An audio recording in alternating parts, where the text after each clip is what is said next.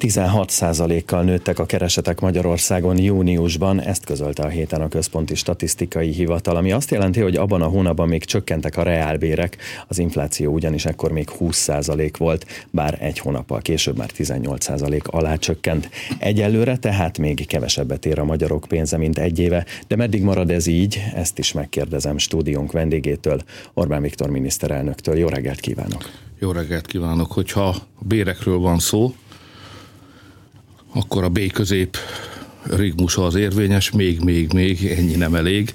Magyarországnak történelmi hátrányai vannak. Fiatalabbak, fiatalabb hallgatók erre nem emlékeznek, de ugye 1990-ben, amikor a kommunistákat sikerült elzavarni és az állami gazdaságot felszámolni, akkor átálltunk egy magángazdasági rendszerre, mondjuk úgy, hogy tőkés gazdaságra, és akkor a fizetések rendkívül alacsony szinten álltak be. Tehát 90-ben az átalakuláskor nagyon sokat szenvedtek a magyar családok, nagyon sok nehézségeket megküzdenük, és nagyon mérő indultak a fizetések. Tehát nekünk van egy 1990-ig visszanyúló nagy történelmi lemaradásunk, ezért a béremelések mértéke sosem lehet elég.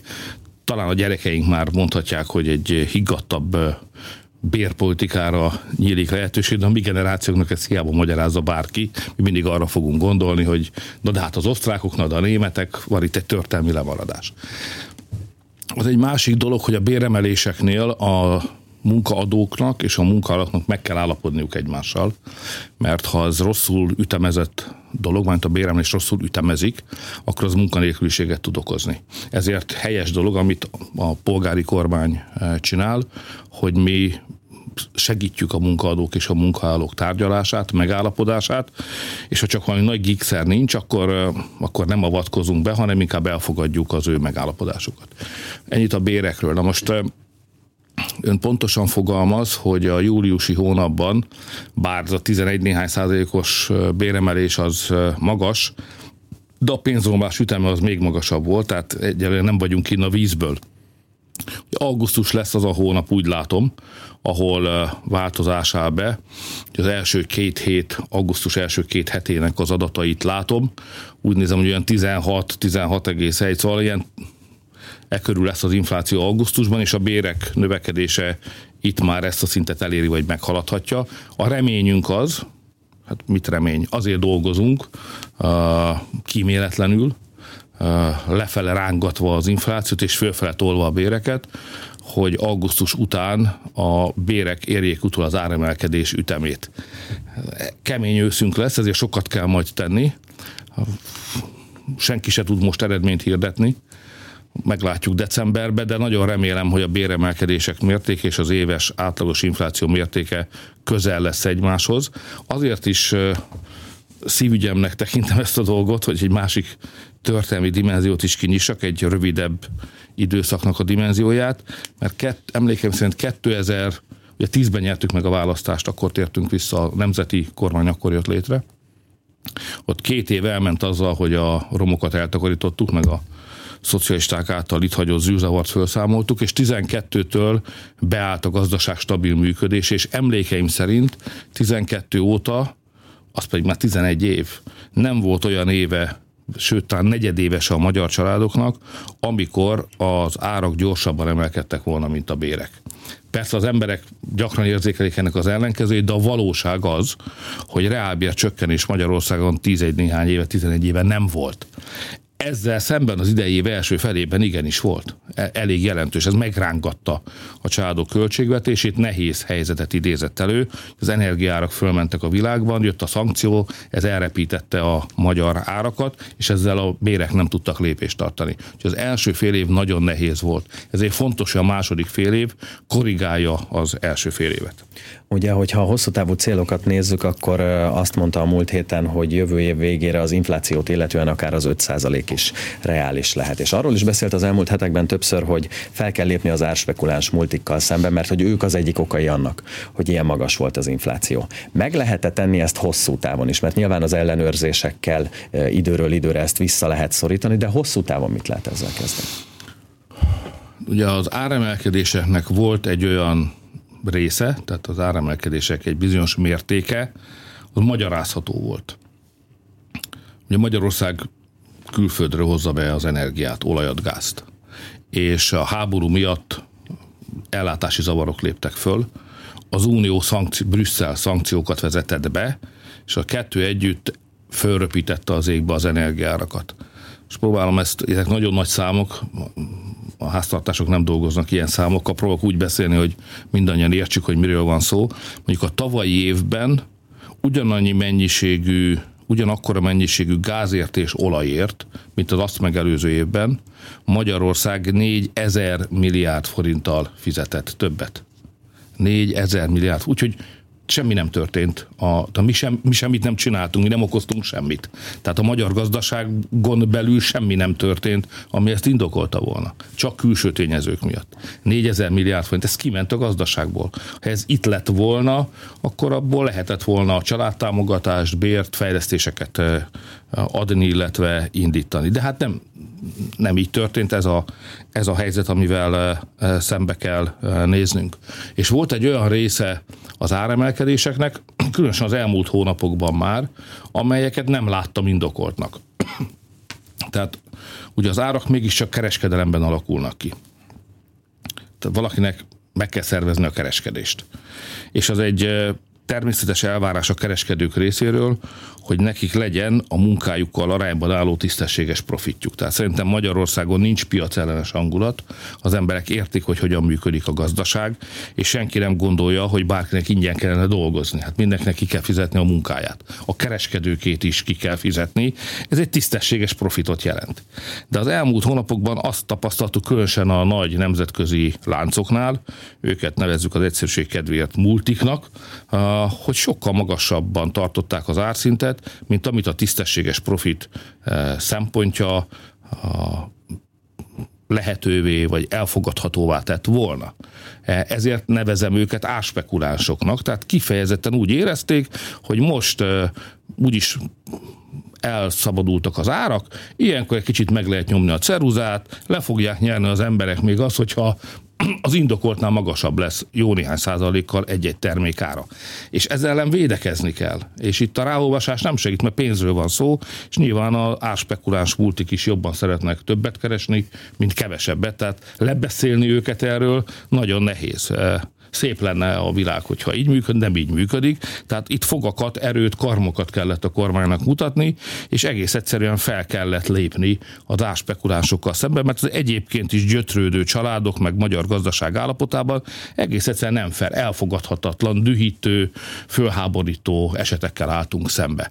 Ezért adtunk fogakat, meg karmot a versenyhivatalnak, hoztunk néhány szabályt, és ez meg is hozta az eredményt, és hogy válaszoljak az önkérdésére végezetül, hosszú okfejtés után, a versenyhivatalnak megmaradnak azok a lehetőségei a következő évre, amelyek segítségével idén sikerült az inflációt és az árakat megfékezni a versenyhivatalnak, tehát folyamatos lesz a versenyhivatal jelenléte a magyar kereskedelemben, hogy még egyszer a multik ezekhez az árspekulás trükkökhöz ne folyamodhassanak. Ha az idei év további részét és a 2024-es évet nézzük, akkor az infláció letörésén és a reálkeresetek emelkedésén túl milyen céljai vannak még a kormánynak? Mert bár úgy tűnik, hogy munkaerőpiaci szempontból jól áll az ország, a GDP növekedés az úgy tűnik, hogy egyelőre még mínuszban van. Hát ha az ön, ön ilyen újságírói logikáját szeretném követni, ami a lényeget próbálja megragadni, és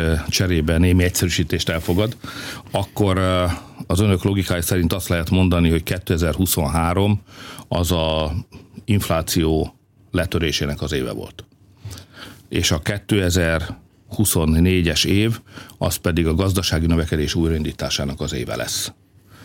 Ugye miközben itt harcoltunk az infláció ellen, itt rángottuk a nadrágszárát, meg a zakójának az ujját, hogy jöjjön már lejjebb. Aközben olyan folyamatok is zajlottak a pénzvilágában, amelyek a kamatok megemelkedését eredményezték. És miután magasak a hitelek kamatai, most ne a tisztelt hallgatók ne a saját családi gazdaságukra gondoljanak, mármint a háztartásukra, hanem a vállalkozások világára, ahol a munkahely meg a jövedelem tervelődik. Tehát ott olyanok lettek a vállalkozók számára elérhető hitelek kamatai, hogy azokat felelőssége nem tudták már használni a gazdálkodók. Ha nincs hitel, akkor nincs növekedés. Ezért 2024-ben az a feladat, hogy a gazdasági növekedés újraindítása bekövetkezzen, ehhez alacsonyabb értelmezhető, értelmezhető kamatozású hitelek kellenek, és akkor újra meglódul a gazdaság motorja. Ebből már látunk szerintem szép eh, előéneket eh, a harmadik negyedében, meg a negyedik negyedében, de az igazi belendülés az 24-ben várható, tehát 24-ben a gazdasági növekedés újraindítása a cél. Persze mind a gazdaság, mind az infláció valójában nem a gazdaságról szól, hanem az emberekről, ami azt jelenti, hogy a gazdaság azért van, hogy az embereknek legyen miből megélniük. Ezért minden más szempontot, inflációt és növekedést is meghaladó általános szempont a munkahelyek ügye, hogy Magyarországon minden magyar dolgozhasson. Nekünk egy olyan gazdasági rendszer kell, inflációtól és növekedéstől függetlenül, egy olyan logikájú, egy olyan szerkezetű gazdaságra van szükségünk, ezt hívjuk egyébként munkaalapú gazdaságnak, amikor minden magyar, aki dolgozni akar, az dolgozhat is. Ma 4,8 milliónyian, vagyis 4 millió 800 ezer ember dolgozik. Most megpróbálok visszaemlékezni, hogy volt ez 2010-ben, amikor a szocik letették a lantot, illetve a nép letetette a szocikkal a lantot, akkor úgy volt, hogy a 3 millió 6-3 millió 700 ember dolgozott. Most 1 millióval többen dolgozunk. A, említette azt, hogy tavaly 4000 milliárd forinttal volt több az ország rezsiszámlája vagy energiaszámlája, és azért az elmúlt hetekben ismét elkezdtek ingadozni a gázárak, és elemzők további ármozgásokra is figyelmeztetnek. Ilyen körülmények között is megvan-e a forrás a rezsicsökkentés fenntartására? Vért a pénzügyminiszter, nem is állítom, hogy mindig lelkes, amikor meglátja azt a számot, hogy a családok megsegítése érdekében mekkora támogatást fizetünk ki a költségvetésből rezsicsökkentés címszó alatt. Az év első hét hónapjában a családoknak odaadtunk 1078 milliárd forintot a rezsicsökkentés formájában. Ez nincs odaírva az emberek fizetési papírjára, talán még a számlájára sem, mert a gázszámlájára sem, de az, én mindig elmondom, hogy ma minden magyar család 181 ezer forint támogatást kap minden hónapban a fizetésén felül. Úgy, hogy ennyivel lenne magasabb, 181 ezer forinttal lenne magasabb az energia számlája, ha nem lenne rezsicsökkentés. Ezért nagyon nagy baj, hogy az Európai Unió ezt támadja az Unió nem ért egyet azzal a rezsicsökkentési rendszerrel, ami Magyarországon van. Sokalja. Szerintem erre kevesebbet kellene költeni. A családoknak többet kellene fizetniük. És ránk akarja ezt kényszeríteni. Mindenfajta leveleket ír, fenyegetőzik, és így tovább. Tehát nekünk folyamatosan, illetve a pénzügyminiszternek folyamatosan Brüsszelben meg kell védenie a magyar rezsicsökkentést, mert ha ezt nem akkor 181 ezer forinttal fog családonként megnövelkedni a családok havi kiadása, amit nem fognak tudni kifizetni. Persze én értem, hogy a brüsszelieknek miért szúrja a szemét a magyar rendszer. A magyar rendszer azért szúrja a szemét, mert európai összevetésben Magyarországon fizetik az emberek a legalacsonyabb áram és gáz árat egész Európában. Nincs még egy ország, ahol az árszint ilyen alacsony lenne. Ami azért probléma más országoknak, mert ha ezt itt meg lehet csinálni, akkor ott miért nem? Ráadásul úgy fizetünk mi e, legkevesebbet, hogy számos ország van az Európai Unióban, akinek saját olaj és gázmezői vannak. Tehát saját energiaforrása van. Nem importálja, mint mi, mert mi mind úgy hozzuk be. Mi úgy adjuk olcsón, hogy drágán vesszük illetve úgy veszük, hogy a világpiaci ár ezt lehetővé teszi, és az most drága. A többieknek van saját kitermelésük, és mégis magasabbat, többet fizettetnek a saját polgáraikkal, mint mi. Amire az emberek azt mondják, hogy jó, de hát, ha Magyarországon meg tudják oldani, akkor itt nálunk, kedves polgártársak, tisztelt politikusok, miért nincs ez megoldva? És akkor Brüsszel megtámad bennünket, hogy a magyarok nem jól csinálják. Tehát én értem, hogy mi az ő problémájuk, de erre nem lehetünk tekintette, úgyhogy meg kell védenünk Brüsszel szemben a magyar rezsicsökkentés. Ha már említ említette az energia beszerzését. A múlt hétvégi diplomáciai nagyüzemnek is ez volt az egyik kiemelt témája. Az energiapolitika egyrészt a beszerzés, másrészt a szállításnak a biztosítása. Milyen eredményeket sikerült elérni? Biztosította a magyar ellátás megfizethető áron a következő időszakban? Valóban ahhoz, hogy tudjunk értelmesen beszélni az energia áráról, meg a rezsi költségekről, az először energiára van szükség mert ha nincs energia, akkor értelmszerűen nem fizetünk érte. De akkor megáll az ország, megáll a gazdaság, és megállnak a háztartások. Tehát az ellátás biztonság, a politika ezt a bükfanyelvet használja, az ellátás biztonság minden más szempontot megelőz. Ebben szerintem Szijjártó külügyminiszter úrnak teljesen igaza van. Az ő dolga, bár van energiáért felelős miniszterünk, de az energiaforrások beszerzéséért, a nemzetközi tárgyásokért a külgazdasági miniszter felelős, aki ragyogóan oldotta meg egyébként eddig a dolgát. Na most ugye magyarok erről nem sokat tudnak, mert a korábbi helyzet egyszerű volt, most meg bonyolult. A talán emlékeznek az egyszerű helyzetre, az oroszokkal megállapodtunk, onnan Ukrajnán keresztül vezetéken idejött a gáz, jó napot kívánok, kifizettük, és minden rendben volt. Most az oroszokkal szemben szankciókat vezet be Brüsszel, ez alól nekünk kivételt kellett kiharcolni, és még évekig fönn is kell ezt tartanunk. Másfelől az ukránok bemondták az unalmas, tehát ott gáz sokkal kisebb mennyiségben érkezik, és most azt mondják, hogy 24-ben pedig egyáltalán nem fog jönni. Most ebben, és ugye itt van az északjármat problémája, ahol még jött Oroszországból Európába gáz, de azt ugye fölrobbantották, most abba a a detektív regényben nem megyek bele, hogy kirobbantotta fel, úgyis tudja mindenki, aki hallgatja ezt a műsort, hogy azt fölrobbantották, fölrobbantatták, megakadályozták, hogy Oroszországból e, nagy mennyiségben érkezzen energia Európába.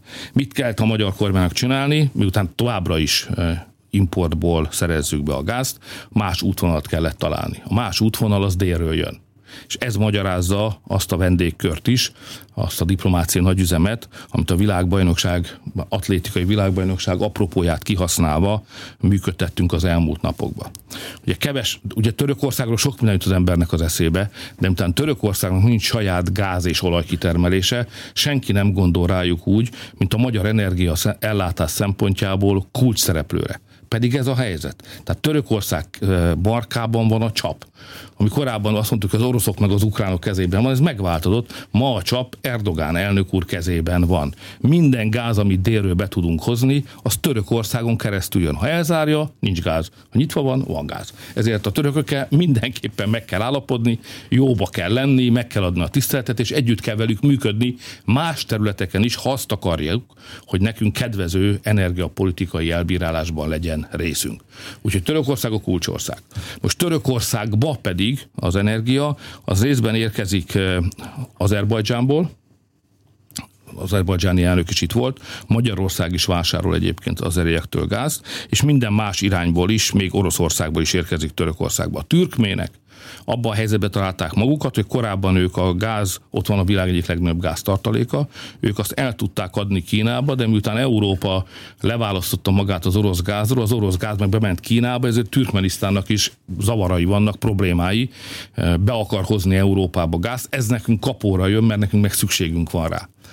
És fontosnak tartom még ebből a szempontból azt a kidolgozás alatt álló nagy programot, hogy Azerbajdzsánban termelnénk óriási mennyiségben elektromos áramot, azt vezetéken, tenger alatti vezetéken át tudjuk hozni Európába, tehát Azerbajdzsánban, még Grúziába, a Fekete-tenger alatt átjön Romániába, Romániából pedig Magyarország. Van egy ilyen négy országot magába foglaló együttműködés és nagy terv, hogy olcsón tudjunk áramot is, nem csak gáz, hanem áramot is behozni Azerbajdzsán irányából. És hát, ha valaki figyelte az elmúlt két év filét, akkor látható, hogy Katarba egymásnak adták a kilincset a nagyfiúk, még a német kancellár is kénytelen volt elmenni, annak érdekében, hogy a hajón szállítható gázból az európai államok is vásárolhassanak. Én is tárgyaltam ebben az ügyben három körben, a futballvilágbajnokságon is ott voltam, és ezt kihasználtam erre, hogy tárgyaljak az emirrel. Kimentem májusba ebben az évben, hogy egy lépés menjünk ebbe az irányba, és most az emir viszonozta a látogatást, és meg is egyeztünk arról, hogy hogyan érkezik Katarból hajókon keresztül az azt jelenti, hogy Horvátországon át gáz Magyarország. Egyébként azért az elmúlt hetek, hónapok híradásaiban az látszódott, hogy gyakorlatilag egész Európa figyelme a közép-ázsiai és a közel-keleti térség felé fordult, mert onnan próbálják megpótolni az Oroszországból kieső energiahordozókat. Jelent az valamilyen előnyt, hogy Magyarország a keleti nyitás keretében már több mint tíz éve gyakorlatilag építi a kapcsolatait hát ebben óriási, a térségben? Óriási előnyt. Én mindig kevés időnk van, nem akarok elkalandozni, de mindig mondom, hogy egy Magyarország méretű ország nem engedheti magának, hogy buta legyen. És a vezetőit sem szabad ebből a körből válogatni. Próbálkoztunk már ezzel, az nem jött be. Tehát egy, egy Magyarország méretű országnak az eszében van az ereje, az ész ugyanis előrelátó képességet és gyorsaságot jelent és aki hamarabb látja, hogy mi fog történni, hamarabb érti meg, hamarabb készít tervet, hamarabb alkalmazkodik, az lépés előre tesz szert, például a nagyokhoz képest. Hát valóban Közép-Ázsia most kezd fölértékelődni. Hát emlékszem, a magyar sajtó is itt gúnyolódtak eh, már évek óta azon, hogy mit keresünk mi a türk államokkal való együttműködésben. Mi a fészkes fenének kell nekünk barátkozni a törökökkel, az azeriakkal, az üzbégekkel, kirgizekkel, eh, türkménekkel kazakokkal. És teljesen nyilvánvaló, hogy a következő évtizedben ez a térség meghatározó szerepet játszik. Nem csak az energiában, az is fontos, de mondjuk nagy magyar banknak tulajdona van Üzbegisztánban. És ott egy óriási ütemben növekvő gazdaságot találunk. És miután mi most már több mint egy évtizede építjük a szinte már testvérének mondható baráti, a közös származása, a közös múltra épülő, tehát kulturálisan jól megalapozott kapcsolatokat, ezek most kamatoznak. Tehát előrébb vagyunk jó néhány évvel, sőt egy egész évtizeddel, mint mások, és ebből, ebből a gyorsaságból, erőlátásból nagyon komoly gazdasági előnyeink származnak. Lassúak és buták csak a nagyok lehetnek. Mert ők úgyis nagyok, majd valahogy elintézik. De a mi esetünkben egészen másképp kell gondolkodni, és másképp kell cselekedni. Ugyanez van a fegyveriparral is. Most adtunk át egy hatalmas nagy a világ egyik legmodernebb fegyverét előállító gyárat Magyarországon. Mi nem akkor kezdtünk fegyveripart fejleszteni, mikor kitört a háború, hogy most mindenki szaladgál itt fejvesztve. Mi már 2016-17-ben megkötöttük azokat a stratégiai megállapodásokat, amik most már a gyártószalagon mennek teljesülésbe. Tehát a gyorsaság, a jövő megértése az fontos dolog. Ez a magyar politikának szép feladata, ezért, ezért az ellenzék ilyen értelemben hozzá tud járulni az ország teljesítményéhez, mert ha arról kell gondolkodni, hogy mit hoz a jövő, az nem hatalom kérdése, a gondolkodás nem hatalom kérdése, hanem eh, hanem ambíció, vágy, ingerencia kérdése. A, akiben van vágy, hogy megértse a világot, az részt tud venni abban a diskurzusban, amely segít megérteni a Magyarország előtt álló lehetőséget. És ha jó színvonalas vitákhoz segít hozzá bennünket az ellenzék, most erről inkább nem nyilatkoznék, hogy ez teljesül-e, de ha ez sikerülne, akkor az összességében a viták hangulatrontó szerepe és hatása ellenére összességében jót tesz az országnak. A diplomáciai nagyüzemre egyébként az apropót ugye az atlétikai világbajnokság adta, és a múlt héten azt mondta, hogy a sportesemények irányítják a világ figyelmét, és hogy Budapest egy olyan nemzetnek a fővárosa, ahová el kell jönni, ezt szeretné Magyarország megmutatni. Ma már a hetedik napja van az atlétikai világbajnokságnak. Igazolva látja ezt az állítását?